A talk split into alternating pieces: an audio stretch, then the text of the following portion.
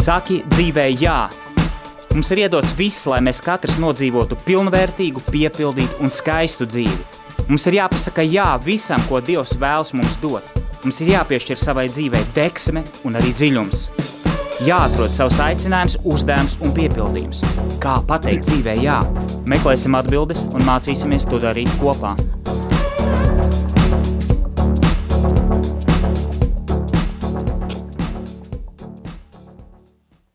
Sveicināti, dārgie radio Marija klausītāji! Kristus ir augšām cēlies, sureksit kristē, sureksit vērē. Prieks ar jums būt kopā uh, un uh, šajos pavasarīgajos svētkos, es teiktu. Mēs svinam veselu lieldienu oktāvu, mēs svinam vēl lieldienas, mēs vēl esam uh, svētku noskaņā, es, es vismaz tā ceru. Un uh, paldies, ka jūs uh, arī otrpus radio esat un, un klausaties un interesējaties. Un, un kopā mēs atkal tiekamies, lai kaut ko saprastu, lai kopā augtu, lai kopā izglītotos jā, un aizdomātos. Un, uh, šodien es jums vēlos iedot tādu kārtējo impulsu no savas puses.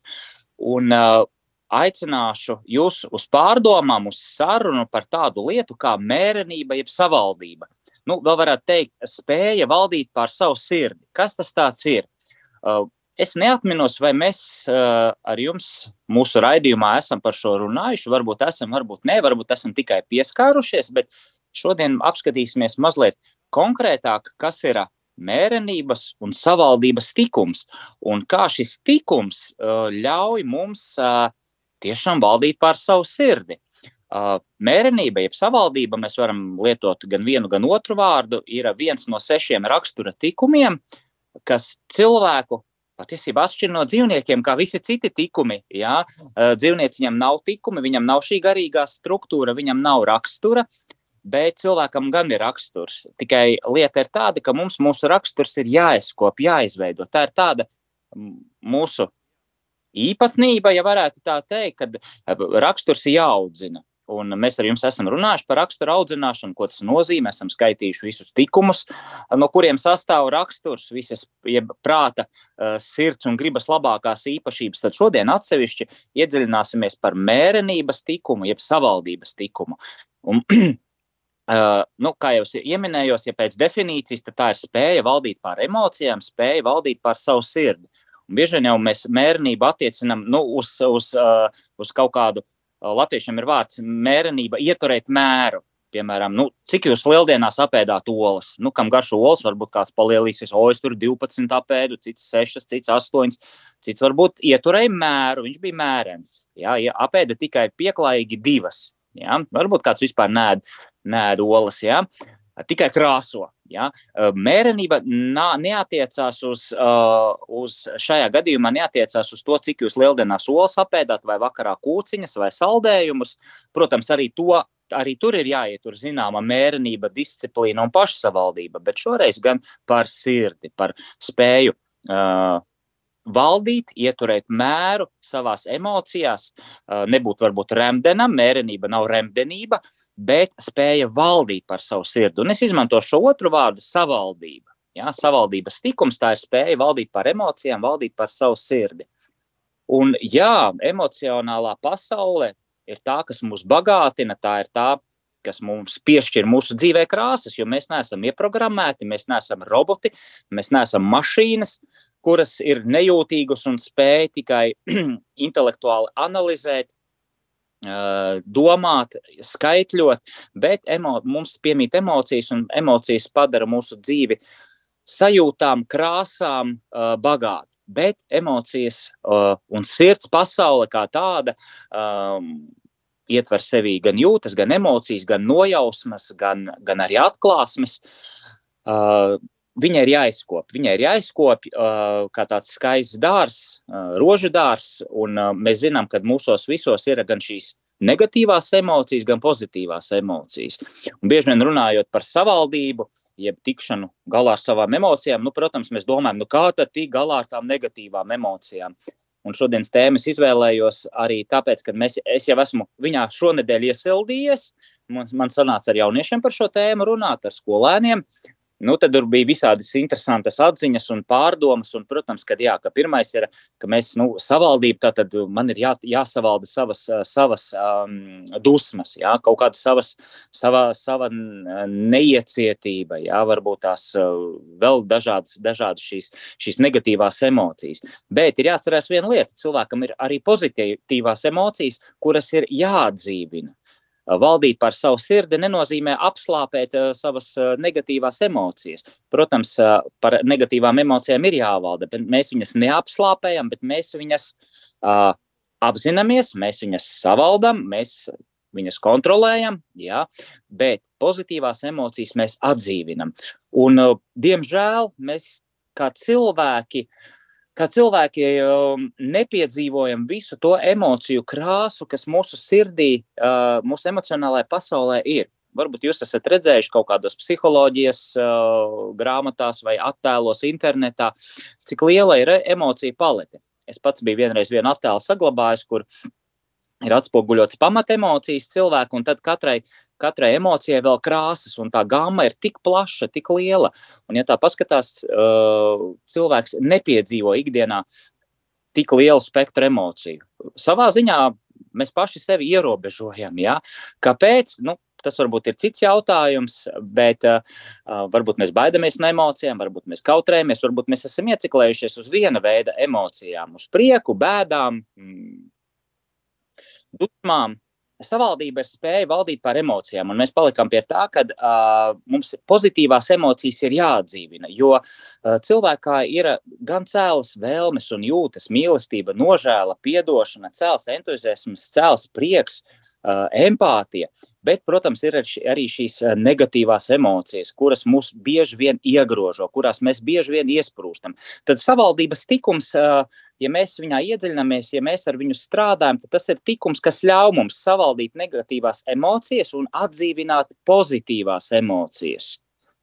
Un, protams, mums ir tendence, mūsu mūžīgais jautājums, nu kā tad tikt ar tām negatīvajām emocijām uh, galā. Ja? Tagad ir dažādi kursi, esat dzirdējuši šo smalko vārdu emocionālā inteligence. Ja? Uh, manuprāt, tas ir tuvu tam, uh, savaldības tikumam, ka mēs apzināmies, kas mūsu sirdī notiek, kas ir mūsu jūtu, mūsu emociju pasaulē. Mēs spējam noformulēt tas, kas mūsos virmo citreiz, gan pozitīvais, gan negatīvais. Jā, protams, tā ir sava veida inteligence. Protams, arī uh, šajos emocionālas inteligences kursos, vai lekcijās, vai nodarbībās. Es, es šaubos, vai tiek runāts par likumību, par rakstura ieradumiem, par to, ka cilvēkam būtu jāizkop šis savaldības tikums, jā, bet kā instruments, protams, pievērst uzmanību savai, savai emociju pasaulē, tas ir tikai apsveicami un ļoti labi. Tātad mērenība, jeb savaldība. Nu, negatīvās emocijas mēs uh, kā varam iemācīties valdīt pār viņām. Visos mūsos virmo negatīvās emocijas. Mūsos visos ir kaut kādas netīras vēlmes, jūtas, iekāres, dusmas, nesavaldības, skaudības, kopums, nešķīstība, pat slepkavnieciskas dusmas. Es domāju, reizi dzīvē vismaz viens katrs cilvēks ir piedzīvojis stāvokli, afekta, kas nav normāls stāvoklis, kad pārņem tiešām slepkavnieciskas dusmas, liekas, es, es esmu gatavs nožmiegt to otru cilvēku. Jā. Uh, un, protams, nedod Dievs, kad prāts aptumšojas un šādas emocijas pārņem mūsu sirdi. Bet kā tad tikt ar viņām galā? Kā tad mēs varam atdzīvināt šo savaldības tikumu? Redziet, uh, atšķirībā no dzīvniekiem, cilvēks spēja noķert to mirkli, kad uh, viņā emocijas dzimst, vai tās būtu pozitīvas, skaistas emocijas, vai tās būtu tās pašas negatīvās emocijas. Varētu teikt, mūsos ir um, slēdzītas galvā slēdzīts galvā, ka mēs varam apzināties un piefiksēt šos brīžus, kad mēs kļūstam nesavaldīgi, ka mēs iekastam dusmās, kad mēs vēlamies kaut ko asu pateikt, vai rupju, vai, vai nejauku, vai otram cilvēkam uz otru cilvēku izgāzt šīs negatīvās emocijas. Varbūt bieži vien tādu, tādu uh, iemeslu dēļ, kā nogurums, kā vēlme pabūt vienam, ja, aizkaitinājums. Ja. Un, uh, ja mēs skatāmies uz raksturu, tad uh, visus tikumus, kas cilvēkam ir, apvieno apdomības tikums. Tā ir prāta spēja uh, saprast, uh, saprast, kas ar mums notiek. Uh, apdomība ir tikums, kas savieno visus pārējos rakstura tikumus vienā veselā, tā kā sasaiste.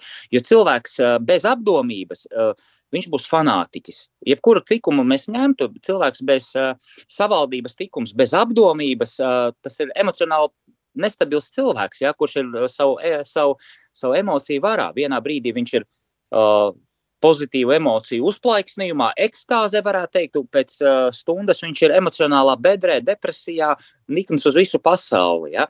Tad apdomība ir tā, ir, apdomība ir tas slēdzīts, kas mums ļauj kontrolēt, uh, mācīties valdīt pār savām jūtām, pār šo, aktivizēt sevi šo savaldības tikumu. Ja? Kā jau teicu, visos mūsos ir šīs netīrās vēlmes, jūtas un iekārs. Un kad mēs atceramies situācijas, Un droši vien tādas ir mums diezgan bieži bijušas, ja, kad, kad uznāk šīs negatīvās emocijas. Ja, tad vienmēr mums cilvēkam ir bijusi izvēle ieslēgt to slēdzīti, dusmoties, izrādīt naidu, izrādīt neie, neiecietību, izrādīt uh, nomāktību, izrādīt um, uh, grūtsirdību, ja, vai nē, vai vērst šīs emocijas, savaldīt un vērst par labu. Uh, lūk, tā tad. Uh, savaldība ir spēja kopā ar apdomības tikumu valdīt par negatīvām emocijām. Un tāds jautājums, kā tad ir ar šīm dusmām? Mēs ar skolniekiem runājām, nu, bieži vien, ne, ne bieži vien, bet nu, ir dzirdēts, ka saka, nu, dusmoties ir slikti. Ja? Un Citi atkal uzskata, nu kā, nu taču dusmoties tas ir labi, ja, kad nu, es izrādu, ka ir kaut, kāds, kaut kāda netaisnība vai, vai kaut kas nejauks notiek. Un Mēs ar skolēniem šo, par šo jautājumu runājām, un arī šie dažādie viedokļi bija. Ja? Nevienam jau nepatīk dusmas. Nevienam nepatīk pašam dusmoties, un nevienam nepatīk, kad uz viņu dusmojas. Dusmām ir, ir divi veidi dusmas. Ir netaisnīgas dusmas, un ir taisnīgas dusmas.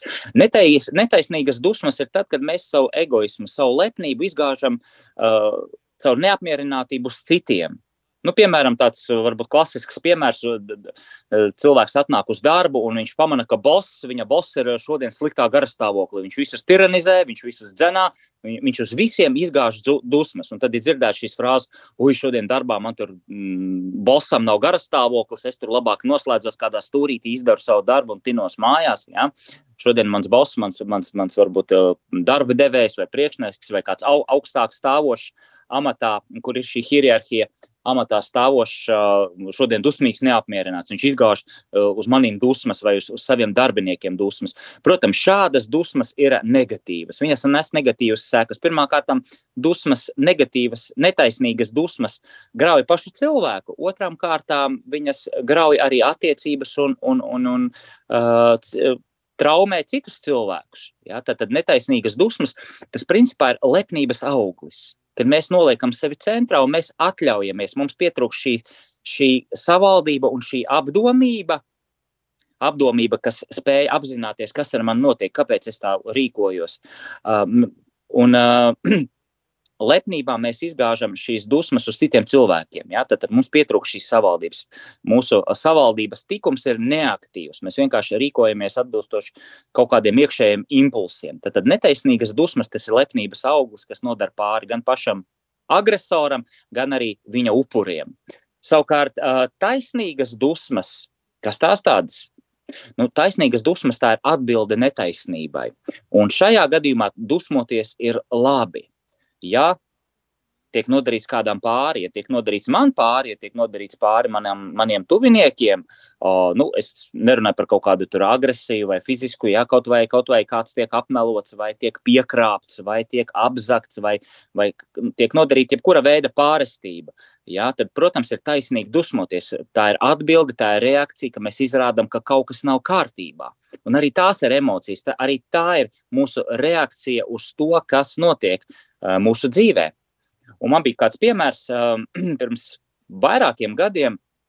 Es katru divreiz nedēļā braucu uz uh, savu kori. Uh, pēc uh, nodarbībām es vēl tajā laikā kā treneris strādāju. Man bija tā, ka man pusseptiņos beidzās pārdaugavā nodarbības treniņi bērniem, un es septiņos man bija jābūt kori, es braucu pāri tiltam, un pie vecrīgas mēģinājumu notika vecrīgā.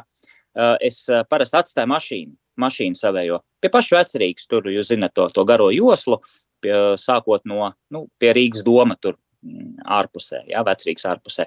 Un uh, vienu vakaru šādi atstāju mašīnu, nāku pēc mēģinājuma uz mašīnu, jā, eju pie viņas klāt un skatos, ir izsis loks. Izsis loks. Um, un uh, man tur bija soma, tā soma ir nozagta. Uh, Somā bija nauda, tajā toreiz tie bija kaut kādi es, cik es atceros, kaut kādi 70 eiro man bija somā, un, protams, viss ir pazudis. Protams, tajā brīdī manas emocijas ir izbrīns, šoks, kā tas var būt, ka pie vecerīgas liekas, mēs dzīvojam civilizētā vietā, visapkārt ir cilvēki. Ja? Um, kā tas var būt, ka tev, tev izsit logu un, un nozog tavu somu? Ja?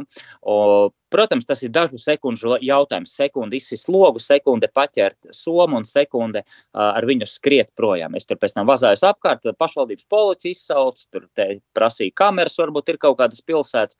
Nu, diemžēl, protams, neko nevarēja atrast, un, un, un Zaglis bija pazudis ar visu somu, tur daži svarīgi dokumenti. Un man arī, protams, bija dusmas, dusmas uz, uz situāciju kā tādu uz situāciju, uz tādu situācijas stulbumu. Ja, liekas, tu uzticies, noliec sabiedriskā vietā auto un to auto tev apzog. Bet sava veida arī neapdomība no manas puses. No manas puses neapdomība. Es šo somu biju atstājis uz priekšējā sēdekļa.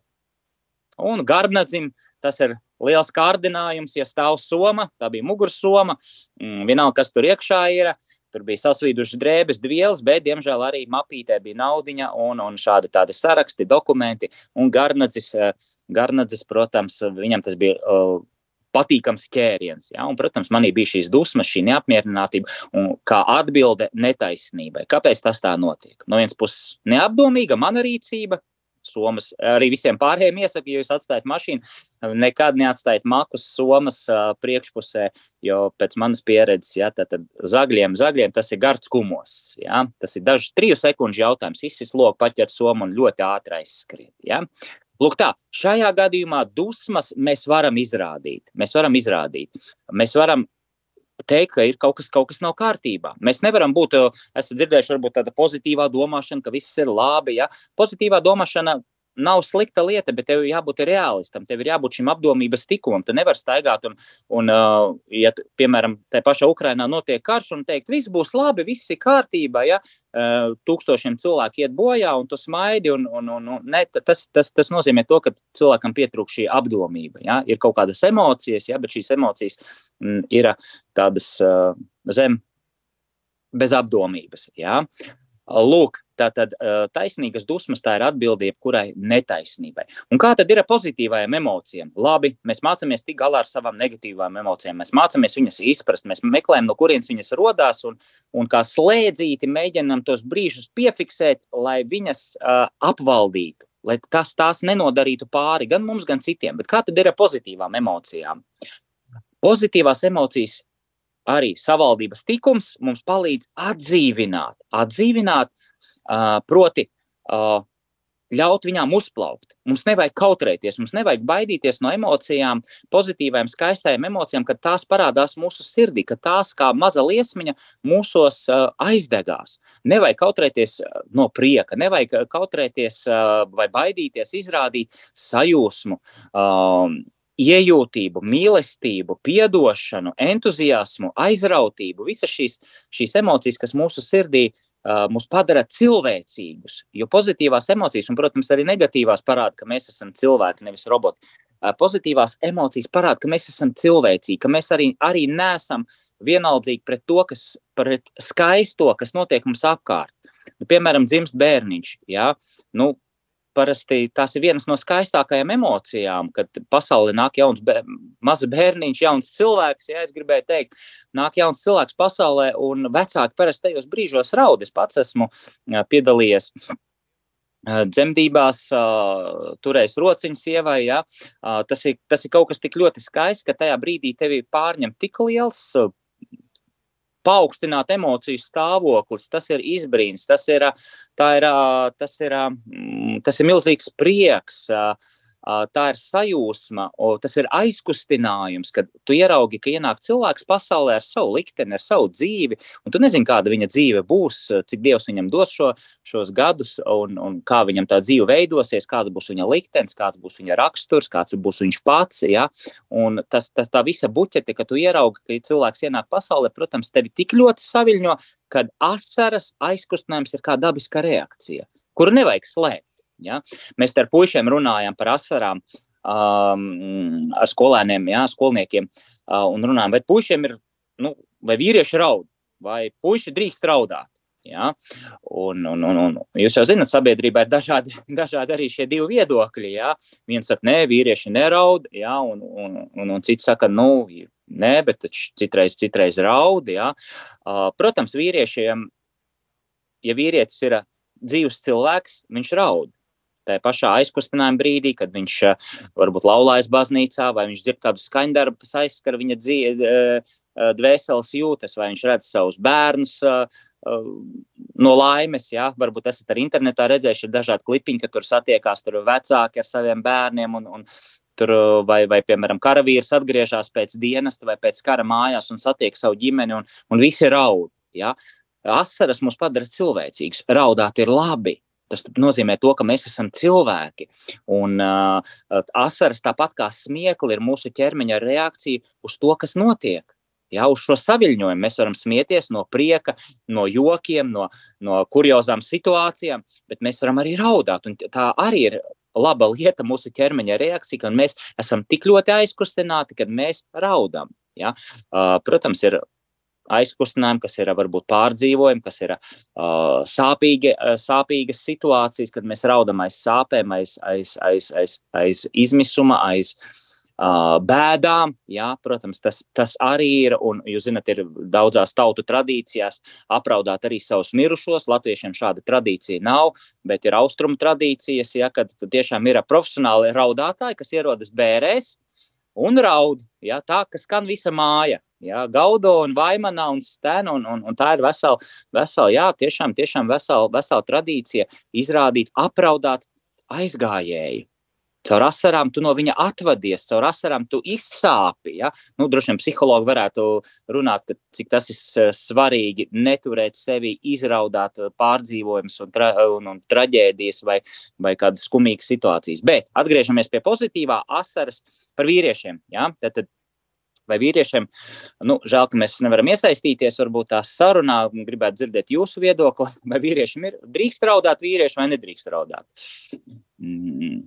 Protams, ka vīriešiem arī ir jāraud. Un, ja mēs palasām varoņu eposus, to pašu Odiseju vai, vai, vai, vai uh, Iliādi, ja, kur uh, Ahilēs raud par sava uh, drauga, mm, aizmirst drauga vārdu, grieķu vārds aizmirst tiešām, ja, apraud savu draugu nāvi.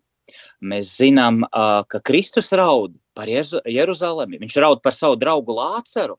Viņš parāda, ka viņš ir kā vīrietis, viņš ir aizkustināts. Ja? Un mēs zinām arī uh, daudzas citas situācijas, kad vīrieši aiz skaistuma pieredzes, aiz, aiz saviņojuma raud.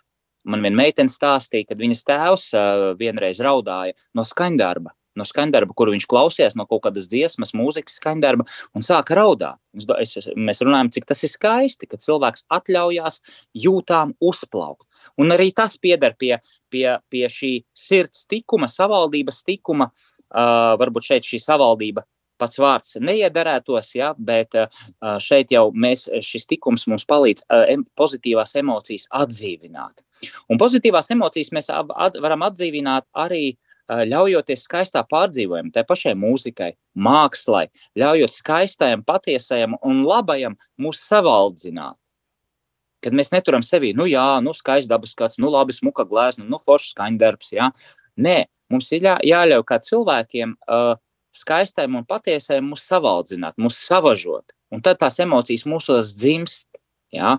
Un tad viņas, mums viņas ir jādzīvina un jāļauj viņām izpausties caur smiekliem, asarām, uh, sajūsmu, izbrīnu. Jā, katram, katram kā nu, kā nu tas, tās, tās, tās emocijas uh, viņu, no viņa nāk. Lūk, uh, jā, tātad vīrieši varoņi pat raud eposos, un, un, un, un kad ļaujās aizkustinājumam, pārdzīvojumam, vēl mazliet maza, maza piebil, piebildīt no manas puses par to vīriešu raudāšanu, kad, ja vīrietis nerauda, tad viņš ir kļuvis par robotu, par mašīnu.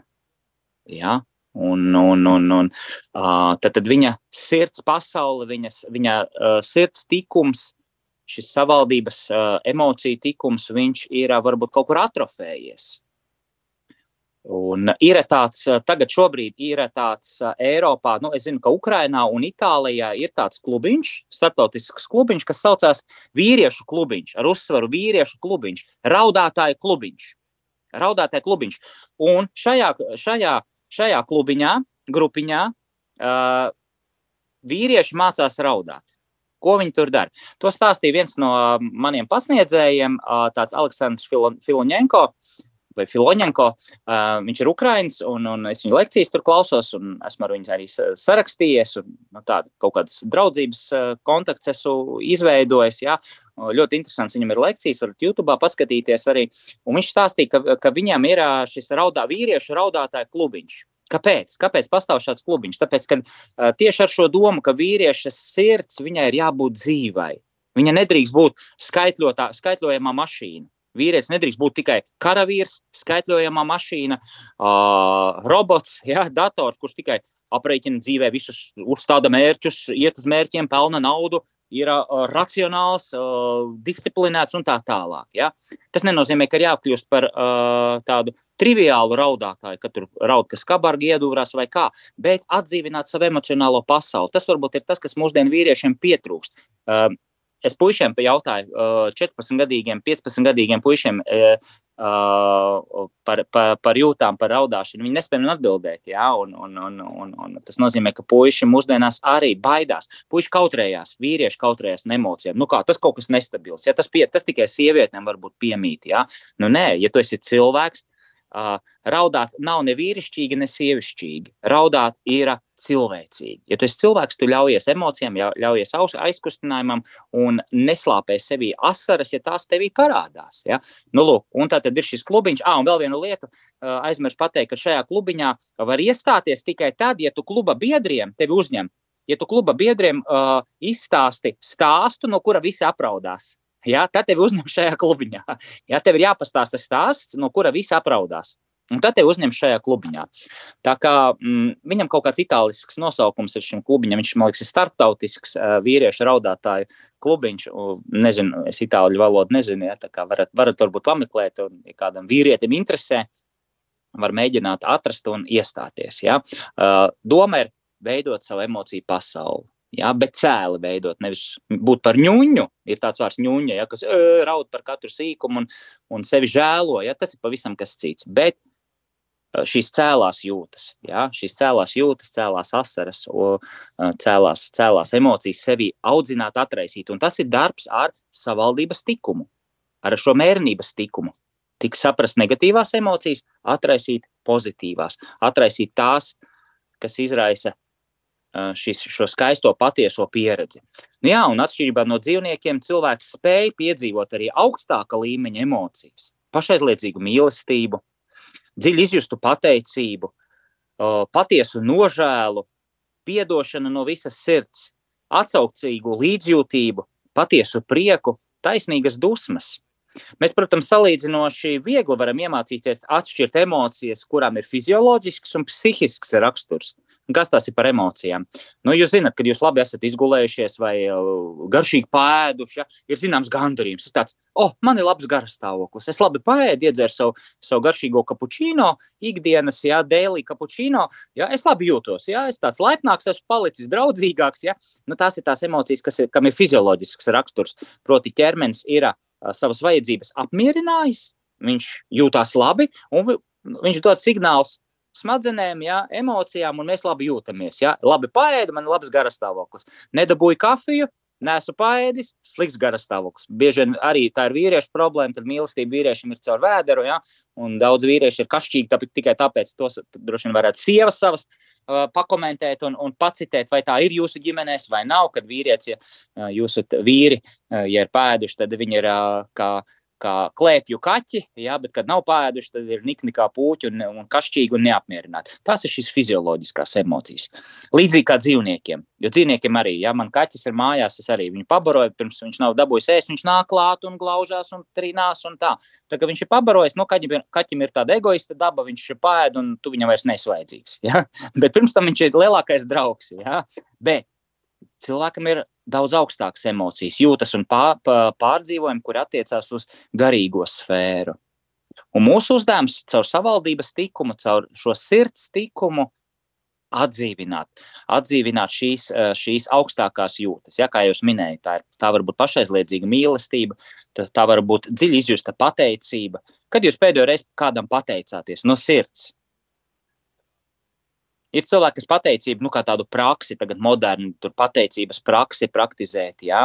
Bet pateicībai, man liekas, tam ir jābūt tādam sirds iekšējam stāvoklim, ka tu esi pateicīgs par dienu, kas ir atnākusi, pateicīgs dieva, Dievam pirmām kārtām par to, ka viņš tev dod katru minūti ieelpot un izelpot, ka tev sirds joprojām ir dzīva un pukst, ka tev ir blakus tie cilvēki, ar kuriem tev ir labi, kurus tu mīli, jā.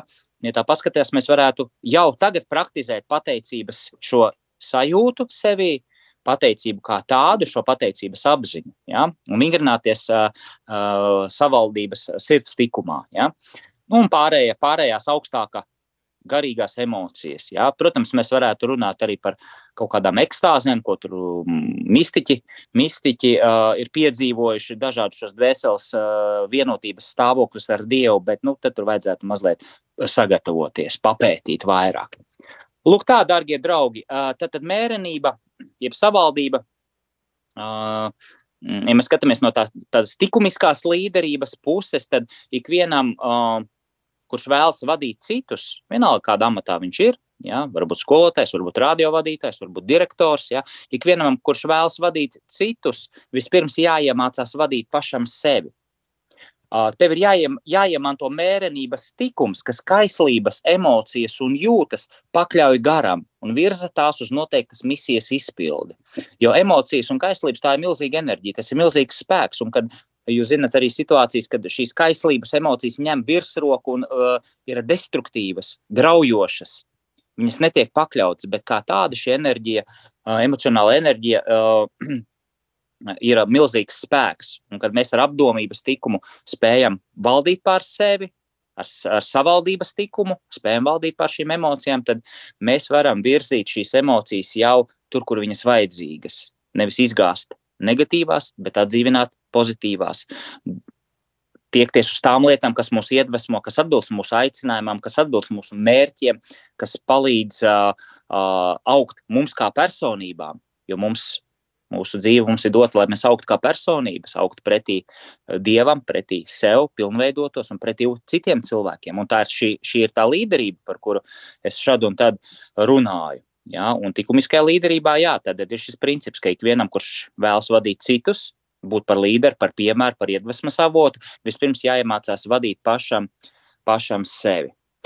Un es jums gribētu tā vienu sekundīti, vienu piemēru padalīties uh, par, kādu, par kādu cilvēku. Varbūt jūs šo stāstu esat dzirdējuši, um, kurš parādīja lielisku šo savaldības tikuma, mm, nu, tādu praktisko piemēru.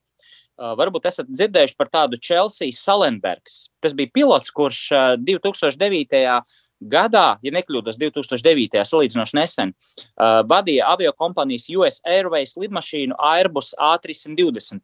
Un, uh, viņš pamanīs, ka abi lidmašīnas dzinēji nedarbojas, piezemējās uz Hudzonas upes, tā, tā izglābjot, tādā veidā izglābjot visus 155 pasažieru dzīvības. Ir par šo gadījumu pat filma uzņemta Uh, ir kaut kādi discovery, bijuši raidījumi, es gan neesmu skatījies, bet nu, man skolnieki teica, ja, kad ir uh, redzēts, ja, tad, tad tās populārs gadījums - Chelsea Salenbergs. Un kāda tā situācija tad bija? Tad mēģināsim ieraudzīt uh, šo savaldu, kur parādās šajā stāstā, šajā piemērā, uh, kur parādās tieši šis uh, spēja valdīt par savu sirdi, spēja valdīt vispār par sevi. Uh, Nu jā, tad, tad uh, aviācijas vēsturē ir tikai 11 gadījumi, kad pasažieru lidmašīnas nosēdušās uz ūdens. Šis gadījums, Chelsea Salenberga uh, pilota gadījums, uh, bija viens ceturtais, kurā nebija neviena upura. 59 gadus vecais Salenbergs, bijušais kara lidotājs, speciālists lidojuma drošības jomā un planieru pilotēšanā, uh, vadīja pasažieru lidmašīnu, kura no Ņujorkas Lagardijas lidostas izlidoja uz Šarlotu Ziemeļkarolīnā. Burtiski minūti pēc pacelšanās abos lidmašīnas dzinējos iekļuva putni. Ja? Iedomājieties, kāds, kāds, kāds, kāds negadījums, ja? kad abos dzinējos iekļūst putni. Saskaņā ar instrukciju lidmašīnai bija jāatgriežas lidostā. Taču pilots dažas sekundes apsvēris visus par un pret. Te mēs redzam apdomības tikums, kā, kā strādā. Ja, jo apdom, apdomības tikums tā nav. Uh, spē, tas nenozīmē pildīt pavēles, tas nozīmē ātri pieņemt, spēt pieņemt lēmumus. Ja? Viņš nolēma nosēdināt lidmašīnu uz upes un par to informēja pasažierus. Pilotam izdevās lidmašīnu, kura lidoja uz ziemeļiem, pagriezt, lai tā lidotu uz dienvidiem. Un tad lidmašīna nolaidās uz ūdens. No pacelšanās līdz piezemēšanās brīdim lidmašīna bija atradusies gaisā tikai kādas septiņas minūtes. Uh, un iedomājieties, septiņās minūtēs šis cilvēks, šis pilots, spēja pieņemt uh, lēmumu ar apdomību, ar apdomības tikumu pieņemt lēmumu, kas eh, izglāba 155 cilvēkiem dzīvības. Eh, Salenbergs nerīkojās pēc grāmatas, pēc pavēlēm, pēc tā, kā viņš bija mācīts. Jo tad viņš būtu vienkārši robots, jā, viņš būtu griezies un lidmašīna būtu nokritusi, jo dzinēja vairs nestrādāja. Viņš spēja pieņemt pareizo lēmumu uh, saskaņā ar savaldības, apdomības un drosmes tikumiem. Un jūs redzat, šajā, šajā piemērā darbojas trīs tikumi cilvēkam. Savaldība, viņš tajā brīdī savaldīja sevi, savas emocijas, uh, viņš ņēma kontroli vispār pār sevi. Viņš, uh, viņā bija apdomība ļoti spēcīga, viņš uh, pieņēma šo lēmumu, un viņš bija drosmīgs. Tas bija liels, liels risks, riskēt ar 155 cilvēku dzīvībām, bet Viņa lēmums bija tajā brīdī vislabākais, un šis lēmums nostrādāja, un viņš izglāba šiem cilvēkiem dzīvības. Tā kā šāds praktisks piemērs, kuru mēs redzam darbībā, aktīvā darbībā, savaldības tikumu, redzam apdomības tikumu un redzam drosmes tikumu. Ja, jo uh, mēs varam runāt, es domāju, varbūt nākošais gada jums rādio piedāvāt no, raidījums par katru tikumu atsevišķi un ar praktiskiem šādiem piemēriem. Ja mēs daudz teoloģijā un, un, un, un, un morāla teoloģijā un runājam par likumisko dzīvi, un es savos raidījumos arī esmu par to pieskāries, bet varbūt tās uh, Ja, ja jūs vēlaties, varat uzrakstīt uh, uz rādio vai uzrakstīt man personīgi uh, savus ierosinājumus, kādas tēmas jūs nākošais gadā uh, vēlaties. Tad mēs varētu varbūt katru mēnesi pa vienam tikumam apskatīties tieši praktiskā puse, kā tad darbojas apdomība, kā tad darbojas pazemība. Jo viens ir klausīties to sprediķī, kad priesteris ska, skaisti pastāsta, ja, un mēs saprotam, vai, vai, vai cik jauki, ja, un visi grib būt kā svētā Terēzīte vai, vai, vai kāds, kāds cits Latvijā mīļots, mīļš svētais, ja, bet uh, tikumiem ir vajadzīga šī dinamiskā, praktiskā puse. Nu, tas tāda maza piebildīta. Mums ir, man liekas, priekšā vēl viens raidījums. Lūk tā, dārgie draugi, uh, mērenība un savaldība spēja valdīt par savu sirdi. Uh, un pakļaut savu sirdi, savas emocijas, jūtas pakļaut garam. Noslēgumā es jums gribu šodien, kā vienmēr, piedāvāt polifoniskās renesanses mūzikas, mūzikas pērles. Un mēs noklausīsimies vienu skaņdarbu, uh, ko dzied Oxford kamerāta ansamblis. Uh, un skaņdarba komponists ir karalis. Žoā 4. Portugāles karalis. Um, Žoā, nu, Jānis varētu latviešu teikt. Es gan par viņu neko nezinu, bet viņu sauc par atjaunotāju, restauratoru. Mm, viņš pieder Brangasas dinastijai. Uh, un izrādās, ka viņš ir bijis arī komponists. Viņam ir ļoti skaists skaņdarbs, Kruks Fidelis. Saucās Kruks Fidelis. Lai gan mēs jau dzīvojam augšām celšanās gaismā, bet uh, skaņdarbs Kruks Fidelis mums atgādina par, par to, ka mm, tas ir uzticīgais krusts, ja, kruks, kruks fidelis, ticības krusts, varētu tā teikt, kas ir pāri visam. Viens un vienīgais diškoks, eh, bez jebkādas lapotnes, bez jebkāda zieda. Un uh, saldākā koks, nu, tāds ir teksts, eh, dziesmas uh, skaņdarba teksts, saldākais, saldākais svars ir piekārts tev par krusta saldumu, ja, par krusta šo uh, mm, ticības krustu, kuru mēs katrs nesam, ne tikai Kristus uh, ceļā uz Golgātu, bet mēs katrs nesam, un ka mūsu krusts varbūt tās ir arī salds, un ejot kopā ar Kristu, mūsu kļust, krusts var kļūt ne tikai par vieglu nastu, bet par saldu krustu, jo caur viņu mēs tiekam attestīti. Lūk, paldies par uzmanību, paldies jums par klausīšanos, kas klausies varbūt ierakstā, tad, tad kruks Fidelis. Līdz nākamajai reizei uzredzēšanos!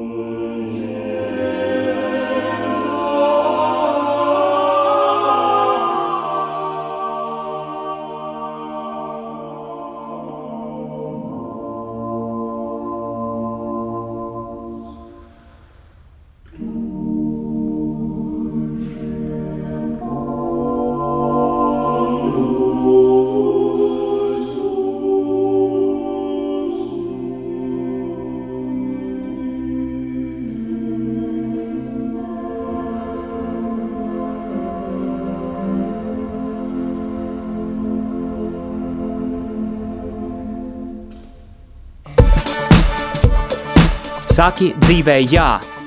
Mums ir iedots viss, lai mēs katrs nodzīvotu pilnvērtīgu, piepildītu un skaistu dzīvi. Mums ir jāpasaka jā visam, ko Dievs vēlas mums dot. Mums ir jāpiešķir savai dzīvei deksme un arī dziļums. Jāatrod savs aicinājums, uzdevums un piepildījums. Kā pateikt dzīvē jā? Meklēsim atbildes un mācīsimies to darīt kopā